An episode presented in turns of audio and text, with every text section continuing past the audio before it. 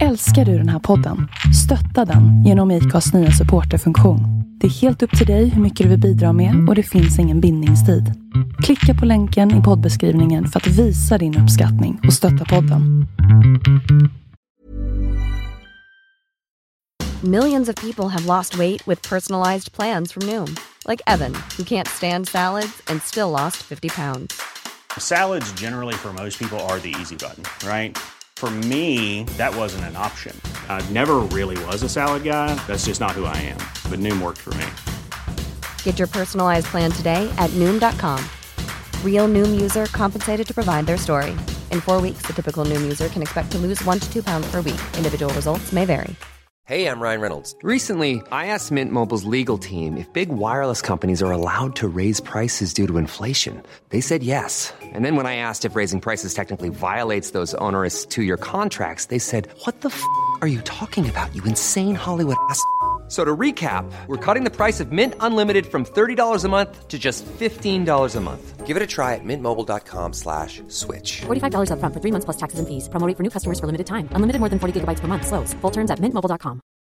Hey Dave, Yeah, Randy. since we founded Bombus, we've always said our socks, underwear, and t-shirts are super soft. Any new ideas? Maybe sublimely soft. Or disgustingly cozy? Wait, what? I got it. Bombus. Absurdly comfortable essentials for yourself And for those facing homelessness. because one purchased equals one donated. Wow, did we just write an ad?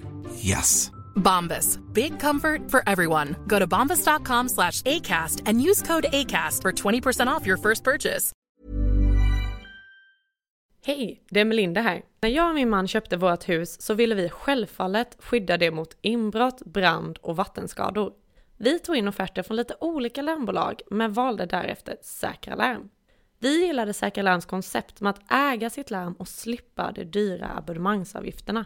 Samtidigt som vi fick det smarta hemmet. Vi rekommenderar varmt en säker, smart och prisvärd larmlösning ifrån Säkra Larm. Besök säkralarm.se du med!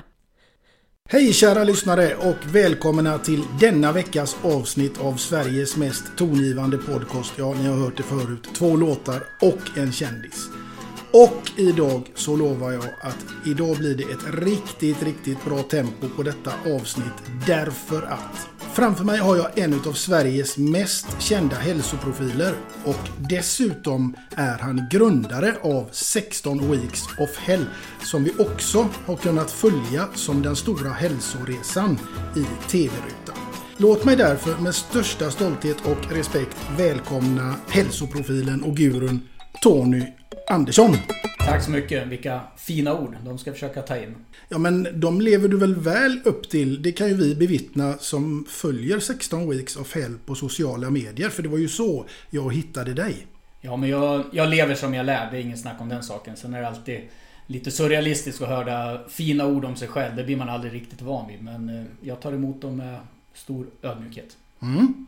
Du, med via 16 Weeks of Hell förändrar ju många människors liv egentligen. Du måste få en enorm feedback, tänker jag, ifrån många deltagare. Ja, det är, eh, det är sant. Det här är världens bästa jobb. Vi eh, brukar säga så att vi får vara en liten del i alla fall av när människor eh, tar ett helt annat grepp om sin egen fysiska och psykiska hälsa. Och det är otroligt kul att få vara med om det. Och våra deltagare är väldigt givmilda med att berätta hur mycket bättre de mår efter de här 16 veckorna. Så det är, ja, det är en lyx. Mm. Du, vi ska komma in mer på det här. Men eh, först och främst så vill jag ju naturligtvis hälsa dig varmt välkommen. Eh, eller det är ju tvärtom, för det är jag som är hemma hos dig idag. Ja, du är varmt välkommen hem till mig, men jag känner mig välkommen till din podd. Ja, och det är du. Och eh, jag måste ju fråga dig naturligtvis, hur står det till med dig idag? Det är alldeles utmärkt. Mm, det är fredag och... Ja, för mig är det fredag är precis som vilken dag som helst. Det- Jag lever inte efter några veckodagar utan vi har deltagare igång hela tiden och jag lever mitt liv efter deltagarna på så sätt. Och sen är jag gammal fotbollstränare i grund och botten så det, det är länge sedan jag levde efter veckodagar. Så fredag eller tisdag, det är ingen större skillnad för mig. Det är ingen större skillnad. Nej. Nej, vi kommer som sagt få en rejäl genomgång av eh, diverse tips här idag. Men du, när kom ditt allra första intresse för det här med träning? Ja, det borde ha kommit mycket tidigare. Jag var väl intresserad när jag var, när jag var ung. Jag spelade mycket fotboll, mycket hockey. Och, men då var man mest intresserad av att göra mål och spela matcher. Det här med träning och vad träning kan ge, det var jag inte så intresserad av. Utan det kom först i 25-årsåldern när jag blev spelande tränare i min moderklubb Munktos BK. Så från 25-årsåldern och fram till idag så har träning och kost legat mig väldigt varmt om hjärtat. Mm. För du var ju en riktigt lovande talang om jag har förstått det hela rätt i både fotboll och hockey. Jag är en av alla de som eh, påstår att de var det och många i min omgivning håller väl med om det men samtidigt är jag en av alla de som aldrig blev någonting helt enkelt. Mm. Och idag så vet du den stora skillnaden. Vad som ligger i, i form av insats för att ta det där steget. Det är jag fullt medveten om och kanske lite smärtsamt medveten om också. Det är, när jag var ung var jag talangfull och eh, lovande. Sen när jag kom på vad som krävs för att bli mer än bara så, ja då fanns varken den unga åldern eller talangen kvar. Så det, blev, det mixade aldrig bra. Mm. Men idag så hjälper du istället andra till att nå det där vare sig det är på elitnivå i, i någon sport eller att det är rent privat. Så är det. Jag har upptäckt att en av mina främsta förmågor här i livet är att få andra att eh, prestera på max av sitt kunnande. Mm. Och min uppgift den är att naturligtvis fråga dig mer om detta. Men det är ju så här Tony att den här podden den handlar ju också, inte om allt, men till en stor del om just ämnet musik. Och då måste jag ju förfråga dig, är musiken en viktig del för dig i livet? Det är ju lite humoristiskt att du bjuder in mig till en podd som handlar om musik. För jag tror att alla som känner mig skulle skriva under på att jag är nog en av de minst musikintresserade genom historien. Men Samtidigt när du ställer frågan om man börjar fundera, det har gått några dagar sedan vi pratades vid första gången, så inser man ju att även jag som någonstans påstår att jag är ointresserad av musik har ju väldigt mycket minnen kopplat till musik. Och jag lever idag i en eh, stor familj där alla andra är väldigt intresserade av musik. Så musiken finns ju runt omkring en hela tiden. Och när det blev två låtar man skulle fundera på så var det två låtar som kom väldigt snabbt. Men jag inser ju också att man har ett 20-tal låtar som på ett eller annat sätt betyder någonting för en. Så det, det var en intressant insikt. Mm. Så det, det, är en stor del av ditt liv, det kan man säga, trots att det inte är det rent eh, att gälla spela musik? Ja, men det, det, blir automatiskt så på, på något sätt. Mm. Och ja, jag tänker ju inte minst idrotten. Där är ju också starkt förknippat. Alltså, som det finns ju liksom inmarschsånger och um, liksom omklädningsrumsmusik och ja, men allt det där. Så är det. Alla som har vunnit en serie har väl någon gång spelat We Are The Champions. Så den väcker alltid positiva minnen för många av oss.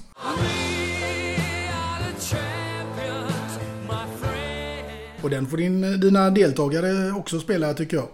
Det får de absolut göra men vi har ju faktiskt en egen låt som gamla fotbollsproffset Jörgen Pettersson har spelat in som heter just 16 Weeks of Hell. Så den hoppas jag många av våra deltagare lyssnar på. Jaha, det är så. Den hade jag ingen aning om. Ja, den är på väg att bli större och större. Det, det är en låt som när man hör den första gången får man känslan av att man har hört den förut. Den eh, påminner väldigt mycket om lite hårdrock på 80-talet där någonstans. Så den rekommenderar jag många att gå in och lyssna på.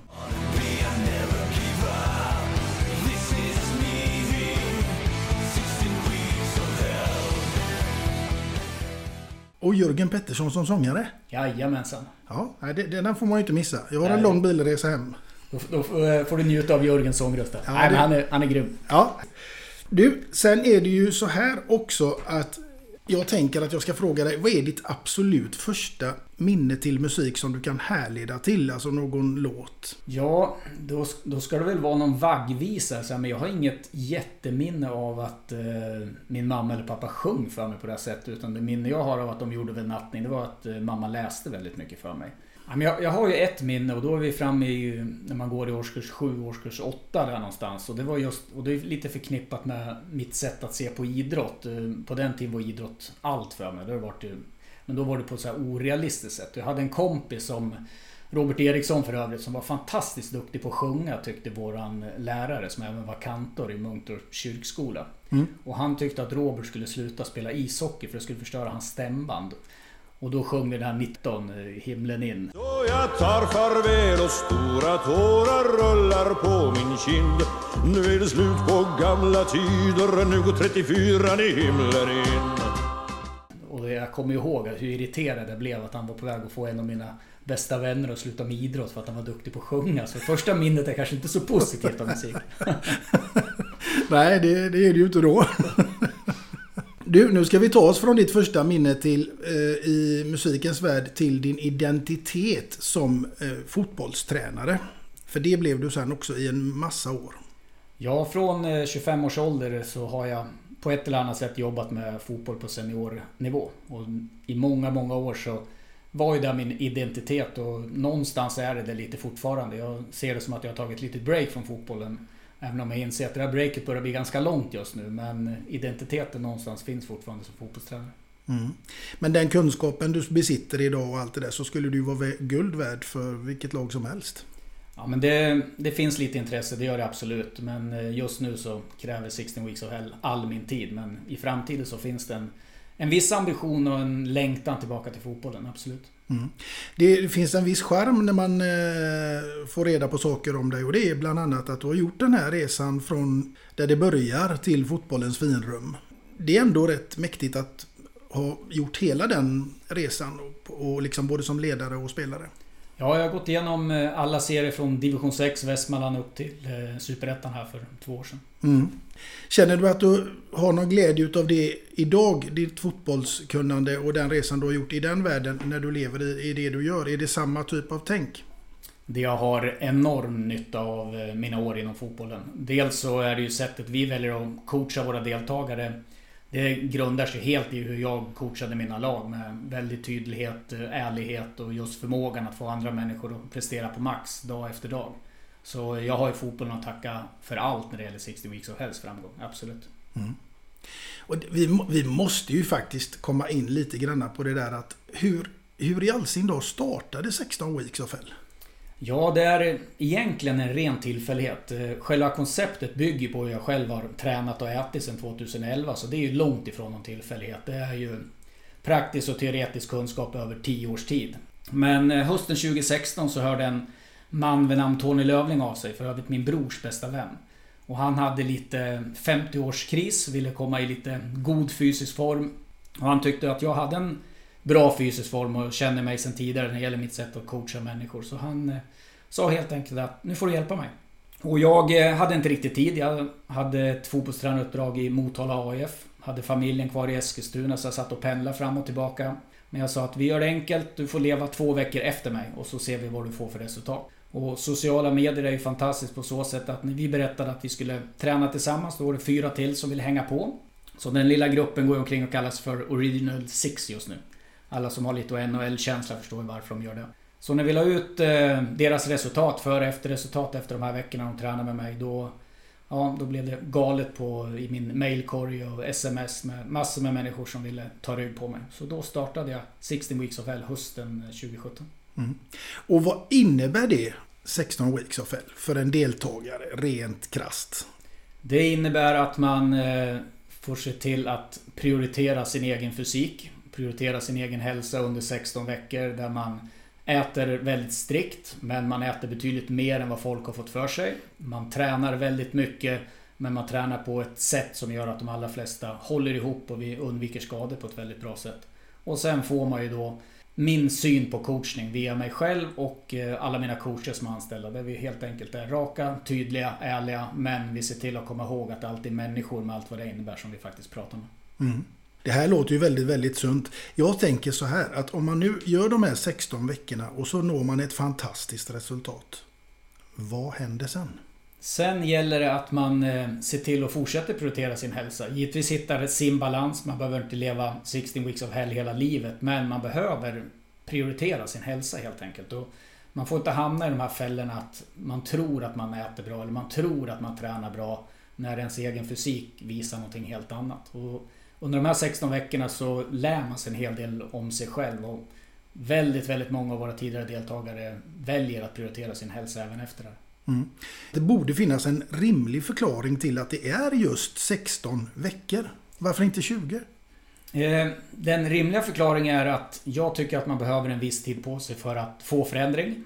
För lång tid är svårt att hålla människor i handen. Man behöver kunna se ett eh, slut också. Så vi har hamnat i att 16 veckor har funkat väldigt bra. Och det gjorde vi ju direkt från start. Så.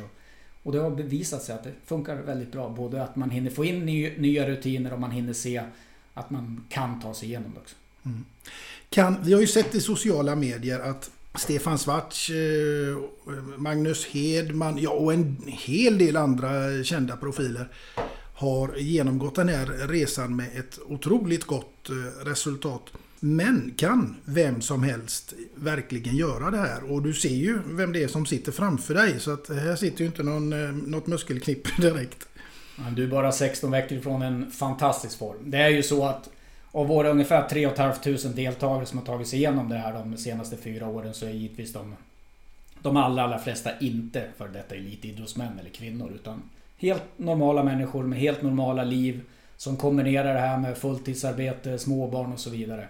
Så svaret på din fråga är kort och, svar, kort och gott ja. Vem som helst som vill, och det är vi väldigt noga med. Du måste vilja, du måste vara beredd att prioritera och du måste vara beredd att som vuxen människa klara av att lyssna på andra vuxna människor och kanske lägga en del av dina gamla självvalda sanningar åt sidan och faktiskt se sanningen för vad den är. Då kan vem som helst ta sig igenom. Mm. Det är spännande projekt. Ja men det är det verkligen. Och det är...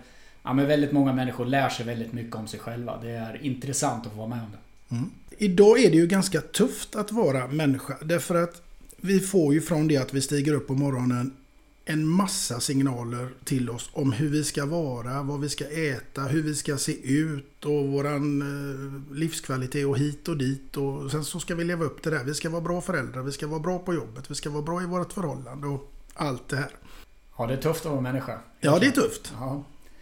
ja, men jag har, som jag varit inne på lite tidigare, så har jag i grund och botten en väldigt stark självkänsla. Så jag bryr mig inte så mycket om vad, vad folk förväntar sig på så sätt att jag ska vara eller inte vara eller vad jag ska tycka och så vidare. Utan jag är ganska trygg i, i den jag är. Sen eh, med resan med 16 Weeks of Hell så har jag blivit mycket bättre på att eh, ta människor. Mycket bättre på att lyssna på människor. Och det har till stor del att göra med, med min sambo Anna-Beth Hall helt enkelt. Som, som på eh, ett klokt sätt har eh, ja, men hon har guidat mig bra utan att hon eh, konkret har gjort det. Men hon har många goda sidor som jag försöker ta efter. Bland annat att uppskatta det lilla i världen utan att det blir på något sätt larvigt. Så kan ju Anna-Bett uppskatta en nybäddad säng på ett sätt som jag kanske inte riktigt har gjort tidigare. Hon kan uppskatta att solen dyker upp efter några dagar som jag kanske bara har reagerat på att ja, det borde han väl göra eftersom det har regnat. Om man drar den liknelsen. Så, nej, men hon är fantastisk på på att eh, uppskatta de små sakerna och eh, har någonstans tryckt på, på rätt saker när det gäller för min egen del att utvecklas och kanske ta vara på de, de bra egenskaper jag har och kanske tona ner de egenskaperna som inte riktigt eh, funkar när man ska coacha människor. Så hon, har, hon har hjälpt mig väldigt mycket att utvecklas som, som människa och till stor del att 16 Weeks of Hell är där jag är idag givetvis. Mm. Härligt! Du Tony, jag tänker att vi ska gå tillbaka lite grann till det här med poddens innehåll också vad det gäller musik och, och, vi ska leka lite grann faktiskt med din fantasi för att du ska få bege dig till en öde ö. Och du får bara välja en enda platta och ta med dig dit ner. Vilken Oj. hade det blivit? Ja, det är ju intressant. Nu tar du mig lite på sängen här men eh, om jag ska gå till ett band som jag vet att jag i ung ålder gillade väldigt många låtar av. Jag är ju lite som, som eh, vad ska man säga, allätare så har jag ju svårt att se att jag bara gillar en artist eller bara ett band. För jag tycker att de allra flesta har gjort en hel del bra låtar men de allra flesta har ju en och annan halvdålig låt också. Så mm. är det ju. Mm. mm. Men jag tror att jag skulle välja U2s skiva då när Sunday Bloody Sunday var med på skivan. Jag vet inte vad den heter om jag ska vara helt ärlig. Men den kanske heter Sunday Bloody Sunday till och med.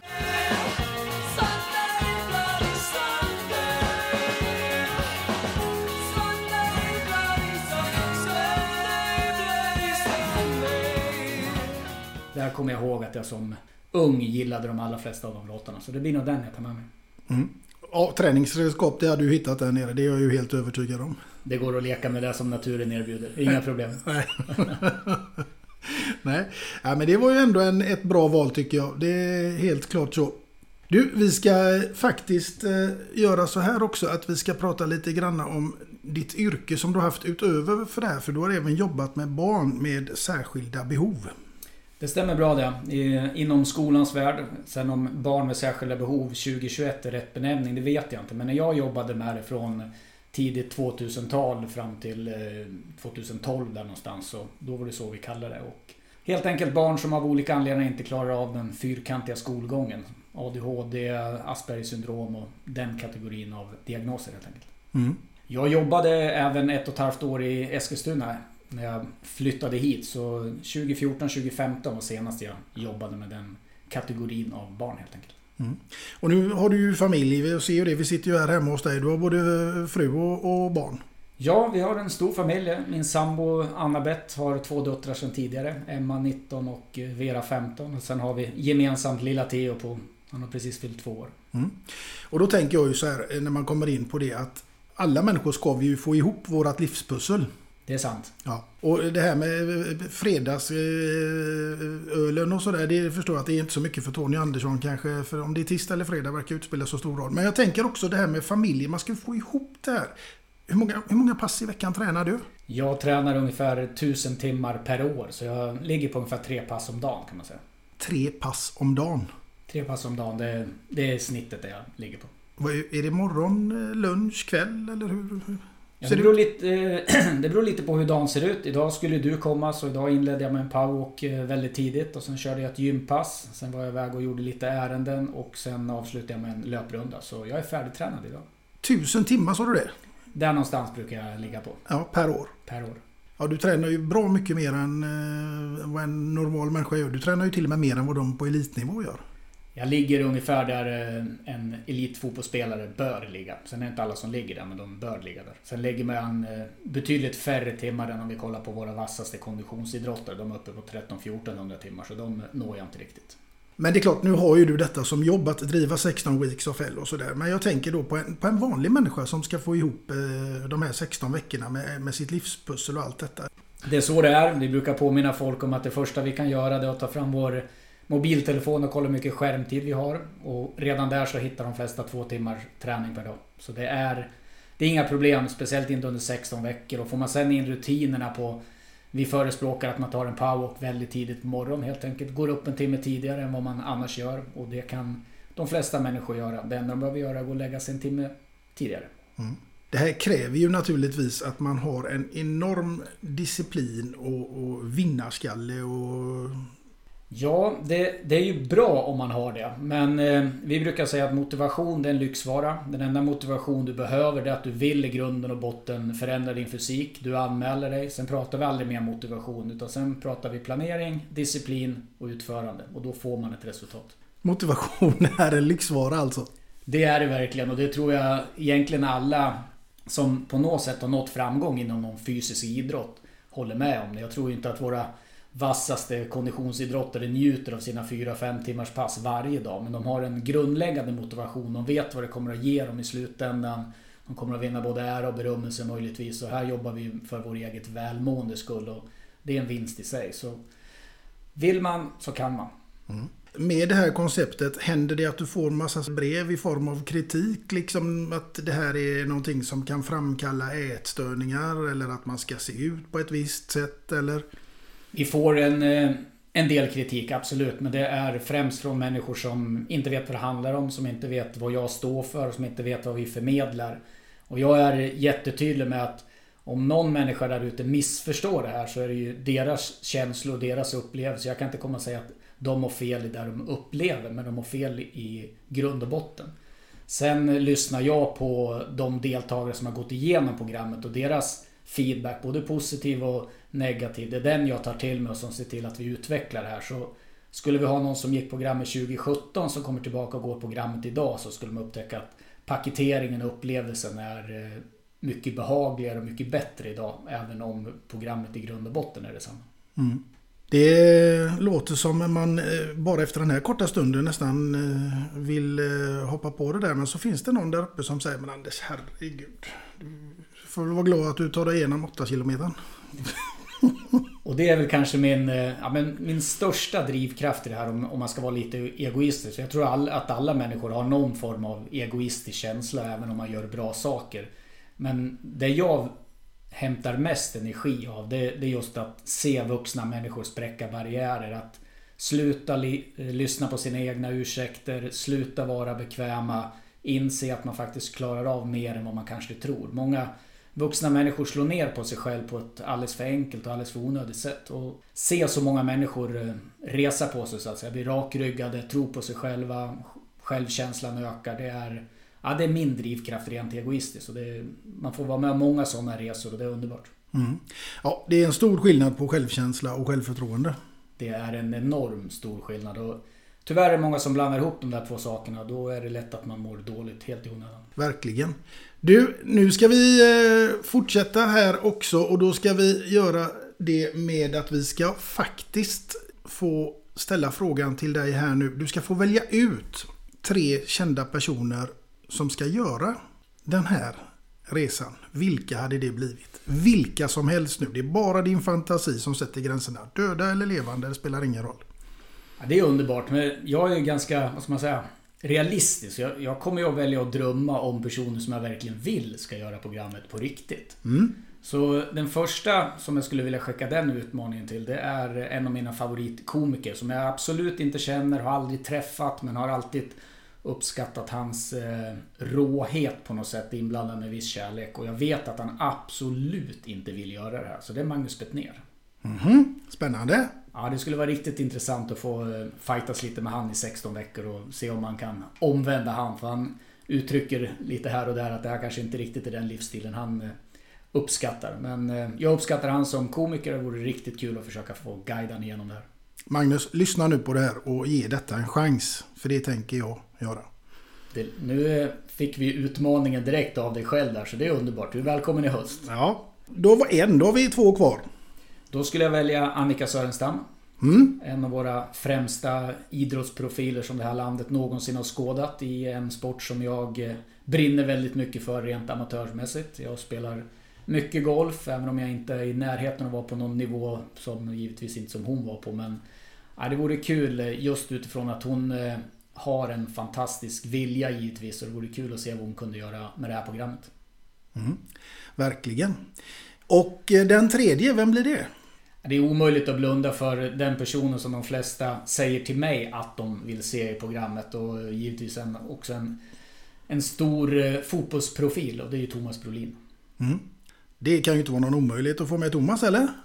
Jag eh, känner inte Thomas personligen, har aldrig träffat honom. Men jag har ett, perso ett par personer i hans närhet som vittnar om att han trivs alldeles för bra med det livet han har just nu. Jag tror inte att han är redo att anta den här utmaningen. Men eh, Thomas är fortfarande ung, så ger han några år till så ska vi se om vi ska övertala honom att köra. Ja, då kommer han med sitt pannben från Sundsvall och driver igenom det här. Ja, det vore grymt kul att lära känna honom och drilla honom i 16 veckor. Ja, vilka spännande namn! Ja, det blir en salig blandning. Ja, verkligen. De tre tillsammans vore intressant. I en tv-serie. Ja, det, man får se. Du, det här blev ju en tv-serie. Det blev ju det.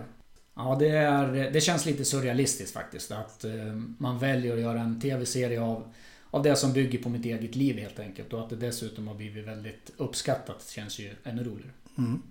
Det är ju inga dåliga namn som har varit med där.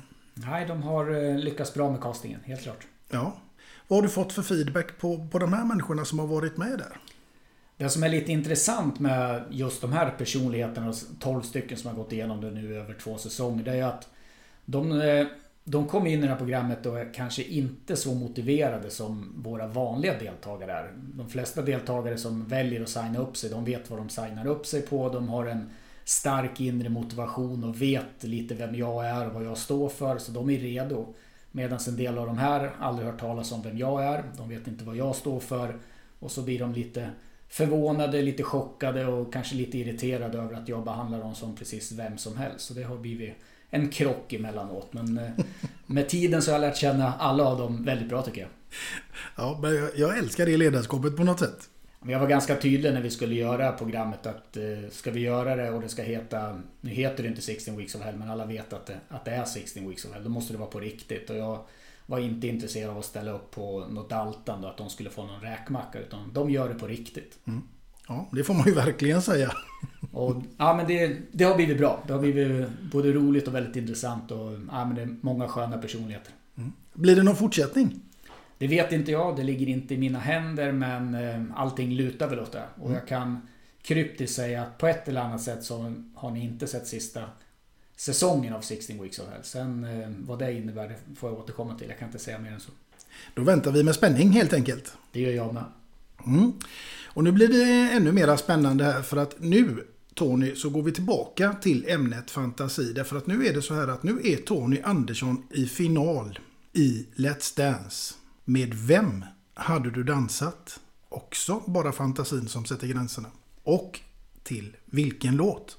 Det där är ju verkligen att få en fråga på uppstuds. För om musik eh, kanske inte var mitt starkaste intresse här i livet så är ju dans definitivt inte min starkaste sysselsättning. Det ska ju gudarna veta.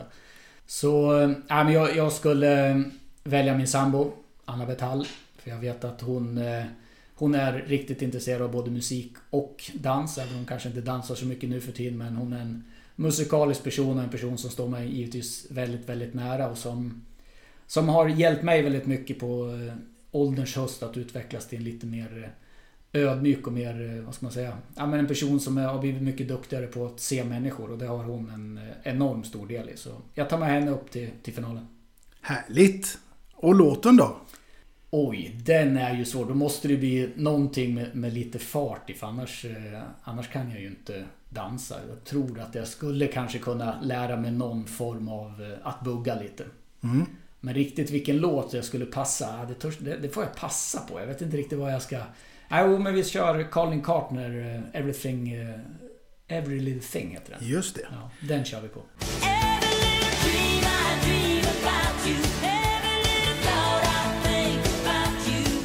Ja, men där ser du. Det var ingen pass på den. den Nej. Vi tog den Nej, frågan kan, också. Man kan inte passa, man får Nej. bara tänka efter lite. Ja, precis. Inga ursäkter där. Det är rätt. Du, nu går du här hemma eh, en dag och radion är på. Och sen så är det så här att det kommer en låt. Och du tänker, nej, inte en chans. Den åker rätt av. Jag, jag är lite försiktig med, med att eh, döda genrer på så sätt. Jag, jag gillar musik från alla genrer på så, på så sätt att det finns ju bra musik inom alla genrer verkligen. Men eh, ja, låtar där, där texten kanske inte är... Eh, där man kanske inte använder ordval som jag tycker att man gör 2021. De låtarna, då stänger jag av. Då åker den rätt av. Då åker den rätt av.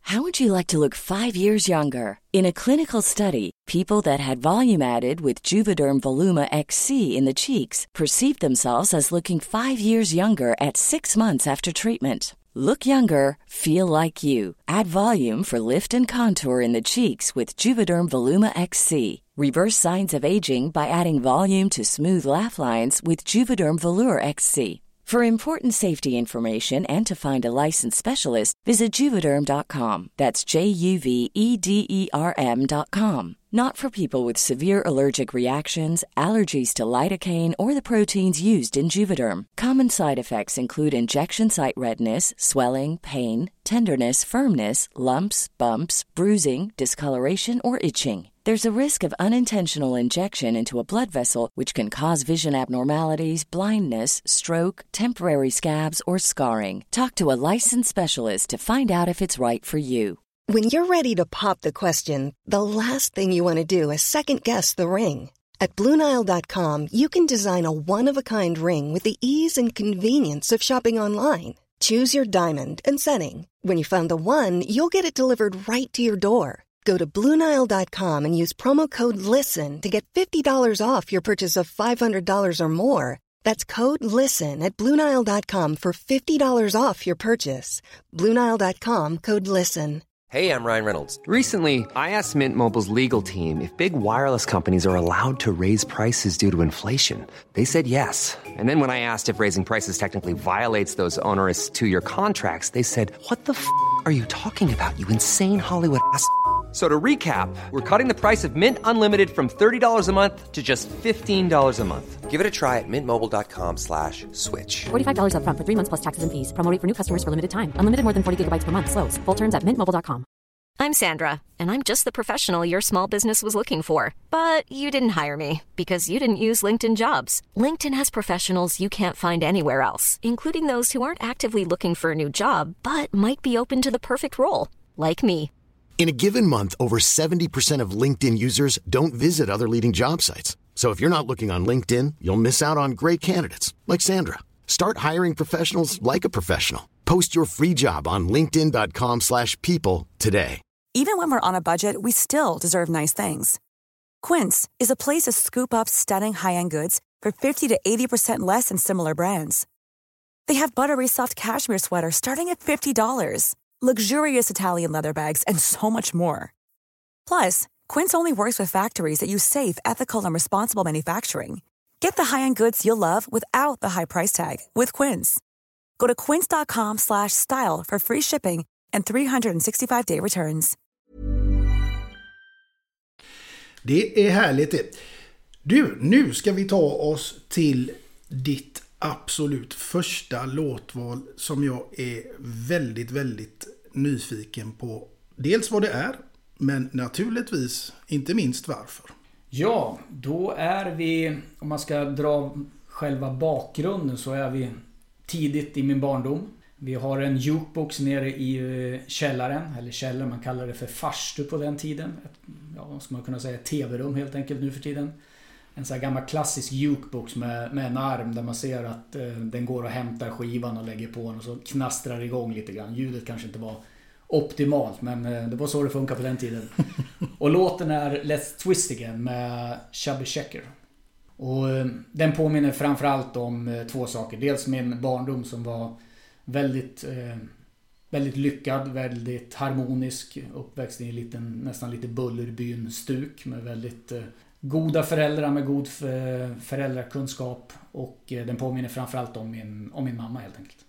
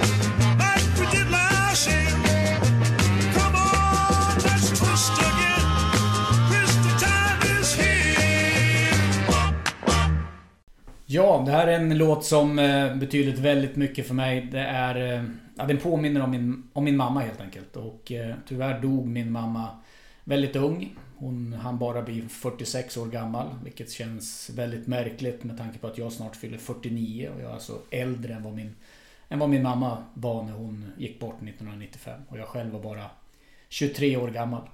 Och den här låten spelades väldigt ofta hemma. Sen finns det fler låtar som är förknippade med mamma. Men den här den här lite extra och speciellt de gångerna hon lärde min storebror att, att bugga till den här låten. Hon försökte med mig med, men jag var inte mottaglig. Jag ville bara lira fotboll. Men min storebror och mamma har buggat många gånger till just den här låten. Så den påminner väldigt mycket om min mamma. Mm. Du har gjort en eh, resa här i livet förstår jag precis naturligtvis som alla vi andra. Men för oss som har varit lite publik och suttit på läktaren och se din framgångssaga här med 16 weeks of hell är ju naturligtvis eh, lite nyfikna på vem är Tony Andersson egentligen? Är han så där himla disciplinerad jämt och ständigt? Eller har han någon skitdag? Jag har inte så många skitdagar på det sättet. För jag har någonting som... Jag vet att det är provocerande att säga det här men jag, men jag gör det ändå på grund av att jag, jag känner verkligen att jag har det. Jag har en hundraprocentig självkänsla. Den är orubblig och den kommer i, i mångt och mycket från just min mamma och hur hon var. Förmågan att eh, fokusera på rätt saker, inte bry sig om vad andra människor känner, tycker och tänker. Eller känner ska man göra, men inte vad de tycker och tänker. Och så har jag alltid varit. Jag har alltid varit väldigt noga med att de som står mig närmast, eh, nu för tiden är givetvis familj, men när man var yngre, kompisar, de som kände mig, de har jag alltid tagit väl hand om. Medan personer som inte känner mig har jag inte brytt mig speciellt mycket om. Och det gör ju att jag har sällan skitdagar. Det är klart att jag kan eh, ha lite taskig energi och tycka att livet är skit emellanåt. Men de är, de är korta och jag ser ändå till att göra det jag ska de dagarna. Det gör du?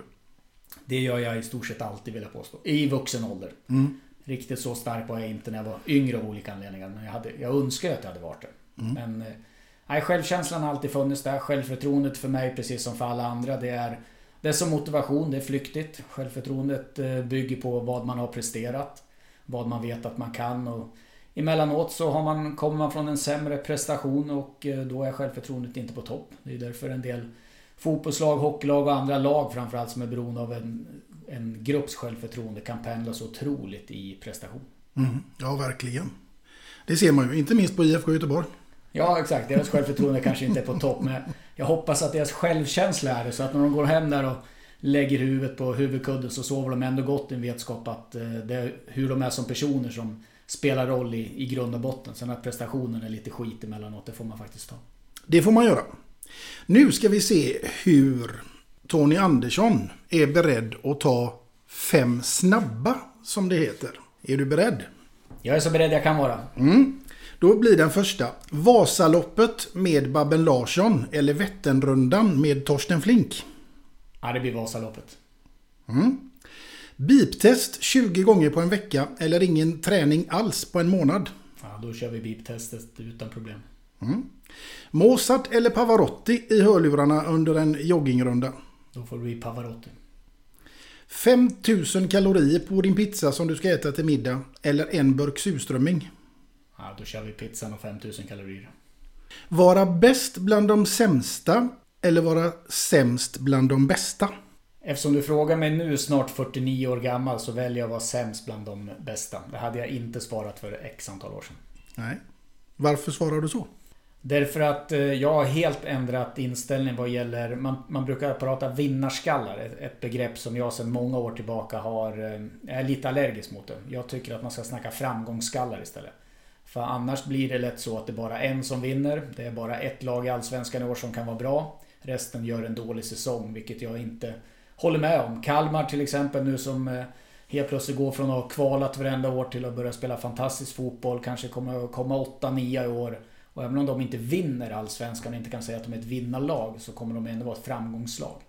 Så jag tycker att man ska hänga upp livet på framgång och inte bara på vinster.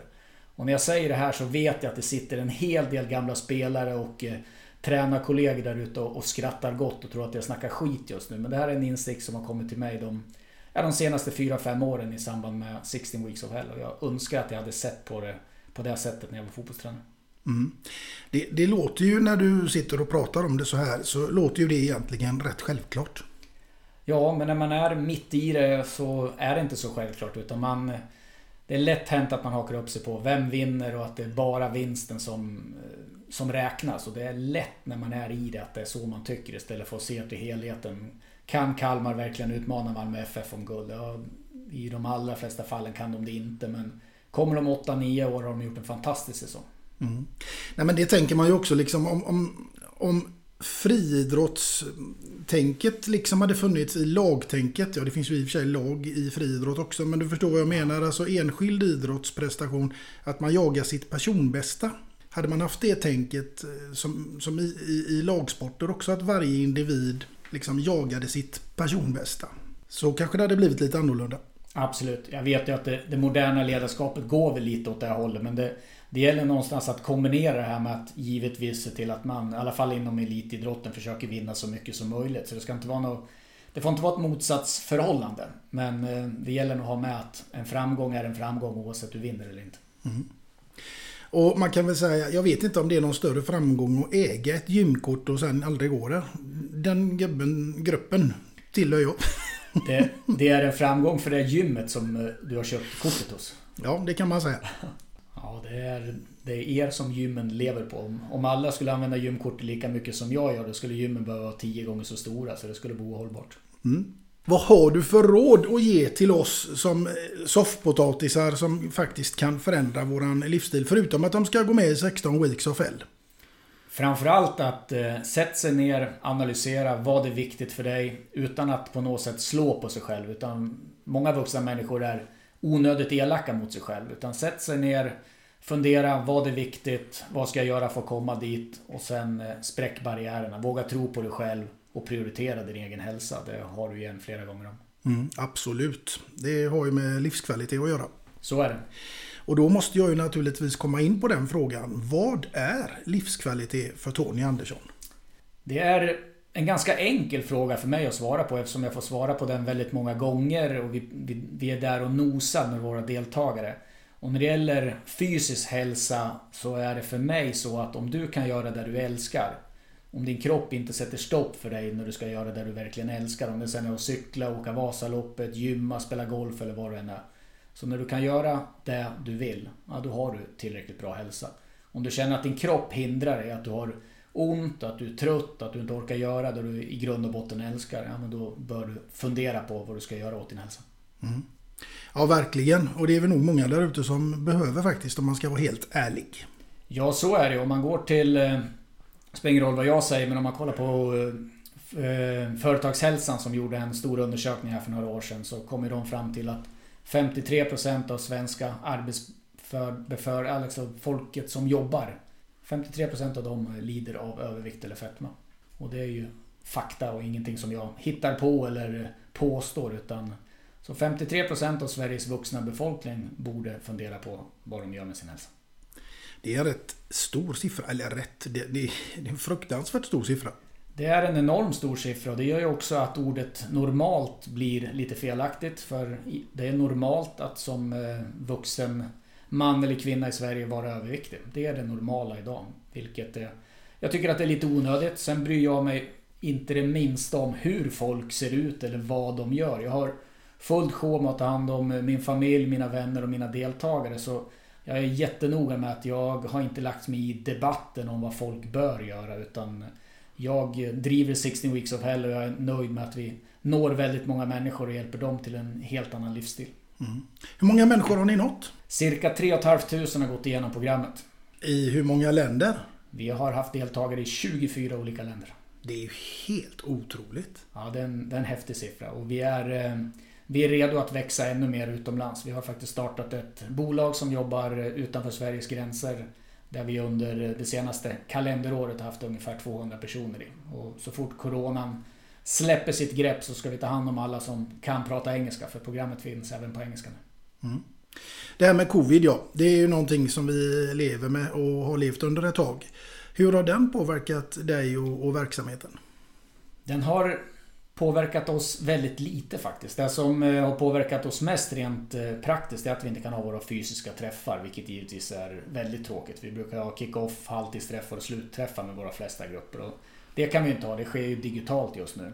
Men ser man på deltagarantalet så eh, har det inte påverkat oss negativt än så länge. Men det, fast det är svårt att säga med, för vi har växt ända från dag ett. Vi hinner inte ta hand om alla som vill gå programmet helt enkelt. Nej.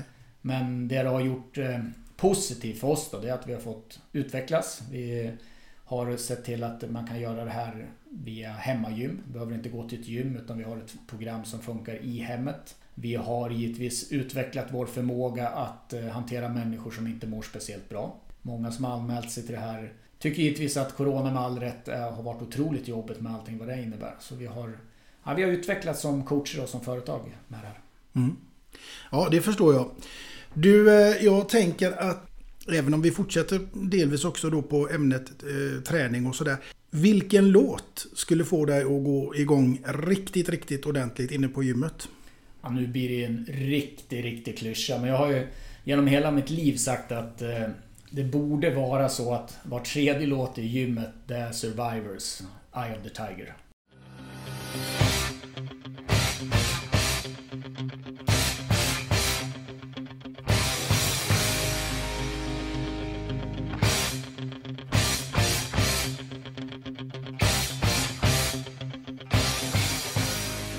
Ja, det är så. Ja, det, det är så klyschigt som det bara kan bli. Men även fast jag säger det med viss ironi så kan jag inte blunda för att när den kommer i högtalarna då, då laddar man på lite extra. Så, Det- jag, ja. så jag tar den klyschan faktiskt. Det får bli den. Det får bli den. Det är en häftig låt. Ja, men det är det. Det är ju... Inte minst filmen. Så är det. Framförallt Rocky 3 då. De andra filmerna är ju bara för att komma in i, i filmtänket när det gäller Rocky. De andra, de resterande, det är bara för att hämta hem lite pengar för dem. Men Rocky 3 är ju den riktiga filmen. Det är så? Ja, det tycker jag. Ja, härligt. Då har vi fått ett litet eh, filmtips där också. Rocky 3 får det bli en fredagkväll här med... Ska vi se, vad ska man äta till den Tony? Ja, nu är det ju så att jag lever i en familj och varje fredag som är någorlunda normal, om inte jag är på resande fot eller sambon är borta eller någonting, så är det tacos här hemma. Det är det? Det är inget snack om den saken. Och även tacos går att göra nyttigt om man väljer så. Jag själv är i vad vi kallar för DEF just nu, så vi, ikväll blir det min egen specialtacos för egen del. Det blir inget tacosbröd, det blir inga såser utan det blir eh, kvalitets, kvalitet köttfärs som vi maler själv och så kryddar jag den själv och så käkar jag den med sallad. Det funkar alldeles utmärkt emellan. Det är avancerat alltså. Ja men just när det gäller köttfärs så har jag snöat in på sen en tid tillbaka att jag maler all köttfärs själv. Det är skillnad på att mala från en ren köttbit än att köpa de storpack som finns där ute. Det är tyvärr inte bara rent kött idag. Nej, intressant. Mycket. Du, eh, jag har hört någonstans, jag tror att det var Eddie Bengtsson som sa det här till mig. För han skulle ju vara med, eh, han var med. Han har kört igenom en gång ja. Ja, och eh, han skulle dricka eh, ingefärashot varje morgon. Jajamensan. Ja, och eh, då tyckte han att han var skitduktig som sprang till affären och köpte en låda med eh, ingefärashot färdig liksom. Och det fick han ju rätt snart klart för sig att det var ju inte riktigt det som var meningen utan han skulle ju gå till affären och köpa ingefära och ställa sig och göra den själv. Det stämmer bra det. Eh, Det spelar ingen roll hur stora de är. Vi är raka och ärliga mot deltagarna i alla fall. Så det är skönt att ha dem på avstånd när man talar om för dem hur saker och ting är. Ja, men det är så, ingefärashotten den gör man själv. Den gör man själv. Både beroende på att det, är, det blir bättre, det blir inga tillsatser. Men sen även just lära sig disciplin. Att laga sin egen mat, eh, ägna sig åt sig själv och faktiskt lägga ner lite tid på sig själv och sin fysiska hälsa. Det, det går hand i hand. Ja, men det gör det verkligen. Jo, nu ska vi gå in på om du var i mitt ställe Tony. Vem hade suttit framför dig då som favoritgäst? Ja, det är ju intressant. När man ska prata musik och så. Men jag tror att jag är ju kvar i, i mitt tänk mycket i idrottsvärlden. Så jag skulle ha bjudit in eh, en av få idoler som jag faktiskt har haft inom idrotten. Och det är Håkan Loob. Mhm. Och få höra vad de spelade i omklädningsrum efter de tog Stanley Cup med Calgary. Det hade varit underbart. Ja, är det en av dina eh, förebilder? Det är garanterat en av mina, ja men det är min största idol när det gäller idrott och vem jag hade som idol när jag var yngre. Mm. Nummer fem på ryggen och Håkan Loob med den skridskoåkningen. Ja, det, det var min idol. Tyvärr fick jag aldrig ha nummer fem utan jag, jag fick hålla mig till nummer åtta i alla år som, som hockeyspelare. Mattias Karlsson snodde femman, det har jag aldrig förlåtit en för. Nej, och nu har du nummer 16 istället. Ja, det blev så. Ja. Riktigt avbytarnummer. Ja, men du Håkan Loob, är inte det ett ämne att ha med i, i 16 Weeks? Ja, men då, då kommer jag där till idoldyrkan om jag ska... Idoler ska man hålla långt ifrån sig så att man inte får se deras svagheter. Så Håkan Loob är den sista jag vill ha med. Jag vill, jag vill ha den här idolkänslan kvar när han gled ut på isen och lyfte Stanley Cup-bucklan eller gjorde sina mål i elitserien och trampade på fem kronor mot Djurgården och vi, alla Färjestads fans var galna. Så jag vill nog inte ha med Håkan Loob av den anledningen. Men sen att lära känna som person vore ju fantastiskt. Ja. Du, eh, därifrån tar vi oss raskt till sociala medier. För det är någonting som också är någonting som vi alla lever i idag.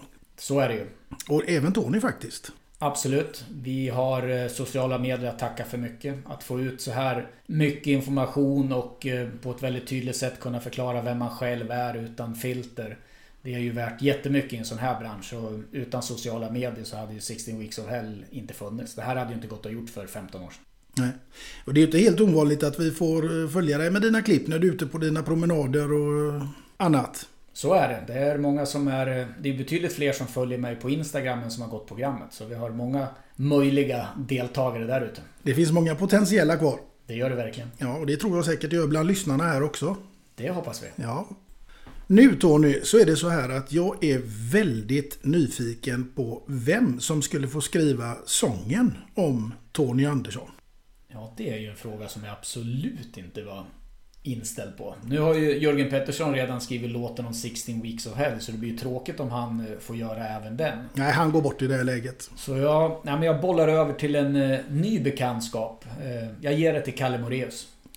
Ah! Så får vi lite touch på... Kalle vet ju att om det är någon musikgenre som jag genom åren har påstått att jag gillar lite mer än andra så är det lite modern country.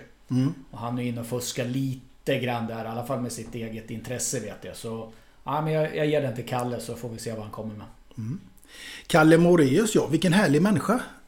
Ja, det är en, det är en personlighet. Ja. Stort hjärta, mycket tankar, mycket idéer. Vi hade en, en härlig resa under de här 16 veckorna där han från början hade lite svårt att lägga bort sina tankar och idéer och, och lyssna på mig. Men det tog två, tre veckor sen eh, gjorde han den här den eh, balansen som man ska göra. Att utnyttja de kunskaper som man har. För Kalle har mycket kunskap om både kost och träning. Så han utnyttjade det han faktiskt redan visste och sen valde han att lyssna på mig och då blev det grymt bra. Mm. Ja, alla som har sett Kalle Moreus kan ju vittna om att något, förlåt Kalle, men något träningsfenomen det har du aldrig varit. Nej, men teoretisk kunskap det sitter han inne på så det sjunger om det. Och det är bara att han inte har utnyttjat den tidigare. Och det, det gör han nu. Så jag tror att Kalle har några härliga år framför sig. Ja, nej, där sitter vi i samma båt du och jag Kalle. Eh, kunskapen har man men sen så ska man ju ro i land den där båten också. Så är det. Och då kan man ibland behöva lite hjälp på vägen. Ja, det kan man göra när årtagen börjar bli riktigt, riktigt tunga. Det är sant. Hur långt kan man pressa sig själv Tony? Oj. Eh, jag vet inte, eller jag kanske är rätt människa att prova det. Eller att svara på det. För jag tror ju att man kan pressa sig riktigt, riktigt långt. Så länge man samtidigt lyssnar på kroppens signaler. Kommer ihåg att eh, man behöver näring och man behöver vila. Men det gäller att det är inte den där latmasken som håller tag i, i ryggraden som berättar när vi ska vila. Utan att det faktiskt är kroppens signaler som avgör när vi vilar. Så om vi bara lär oss lyssna på det, då kan vi pressa oss otroligt hårt. Mm. Nu ska vi se om vi kan pressa in Tony Anderssons låtval nummer två som jag också är grymt nyfiken på och inte minst varför. Ja, det är en lite nyare låt än min första låtval då. Det är en låt med Pink som heter Just Give Me A Reason. Och den är helt enkelt, eh, ja det är min och min sambos låt. En låt som jag förknippar starkt med Anna-Beth som är min sambo sen, eh, eller min flickvän sen 2012 och vi har bott ihop sen 2013. Så den låten påminner mig ständigt om henne. Mm.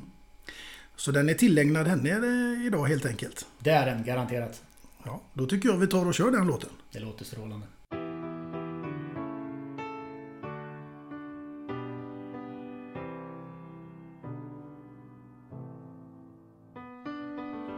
Right from the start, a thief, you stole my heart, and I, your willing victim. I let you see the parts of me that weren't all that pretty, and with every touch, you fixed them. Now you've been talking in your sleep. Oh, oh, things you never say to me. Oh, oh, tell me that you've had love I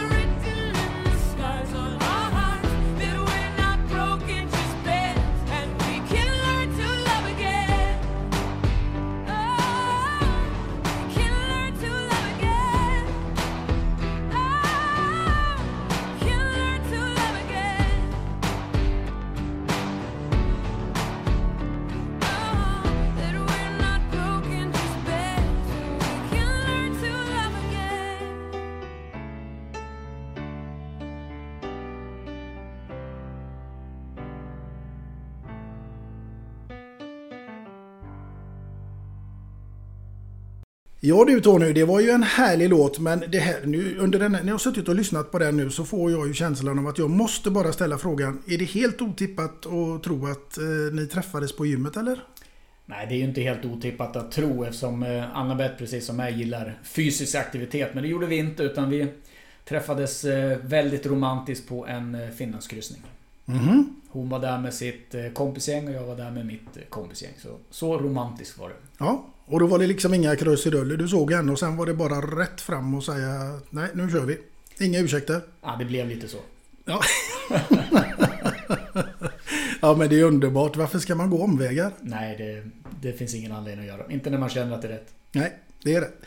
Nu hoppas jag att det är många som känner att det här är rätt och att ni har fått en större inblick i vem Tony Andersson är och framförallt vad 16 Weeks of Hell innebär. För det är inte så lätt att få reda på mm, allting kring det även om det finns mycket information att få. Nej, så är det. Vi eh, lämnar väl ut så pass mycket information som vi vill. Vi vill att deltagarna ska vara motiverade när de kommer men lämna ut all information det gör vi av olika anledningar inte. Nej, det är ju fullt förståeligt. Absolut. Men just det här med att motivation, det är en lyxvara. Det tycker jag är någonting man ska ta med sig från den här stunden.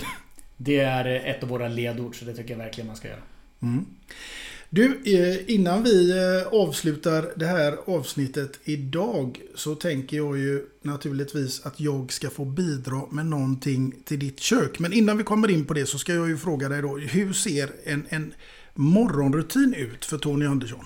Ja, det finns egentligen två morgonrutiner men den, den vanligaste är, vi har ju vår lilla Theo här hemma som är strax över två år som inte sover så jättebra så jag och eh, sambon får turas om att sova med honom. Oftast framåt eh, två snåret så börjar han gny lite så då går jag eller Anna-Bett in och sover hos honom. Och om jag sover hos honom då kommer Anna-Bett in vid ungefär eh, halv sex och tar över. Och sen tar jag på mig powerwalk-grejerna och sen går jag ut och går en timme.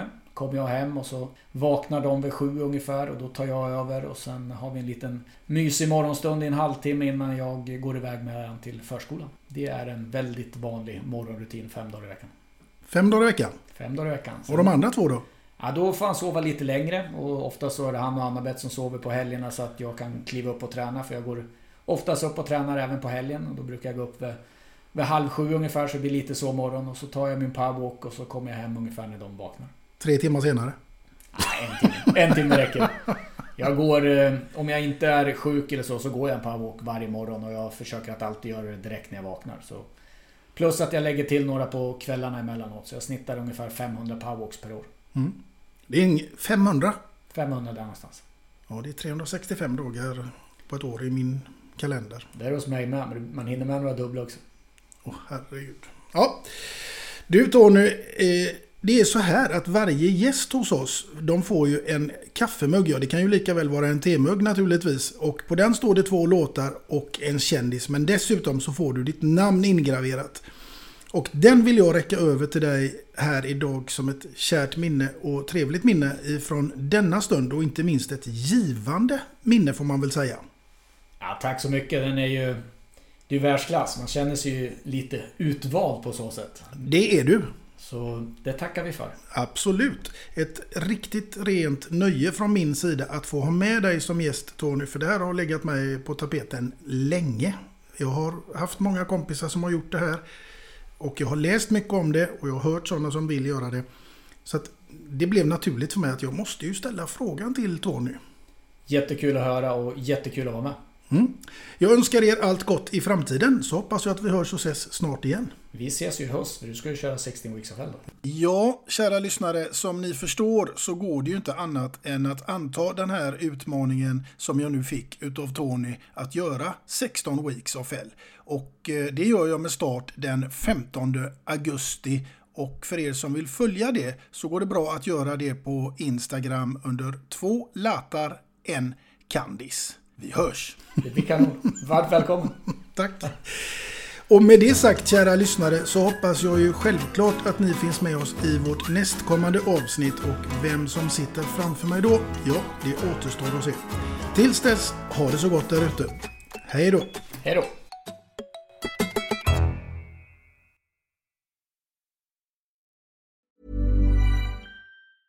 Planning for your next trip? Elevate your travel style with Quince. Quince has all the jet setting essentials you'll want for your next getaway, like European linen, premium luggage options, buttery soft Italian leather bags, and so much more. And is all priced at 50 to 80% less than similar brands. Plus, Quince only works with factories that use safe and ethical manufacturing practices. Pack your bags with high-quality essentials you'll be wearing for vacations to come with Quince. Go to quince.com/pack for free shipping and 365-day returns.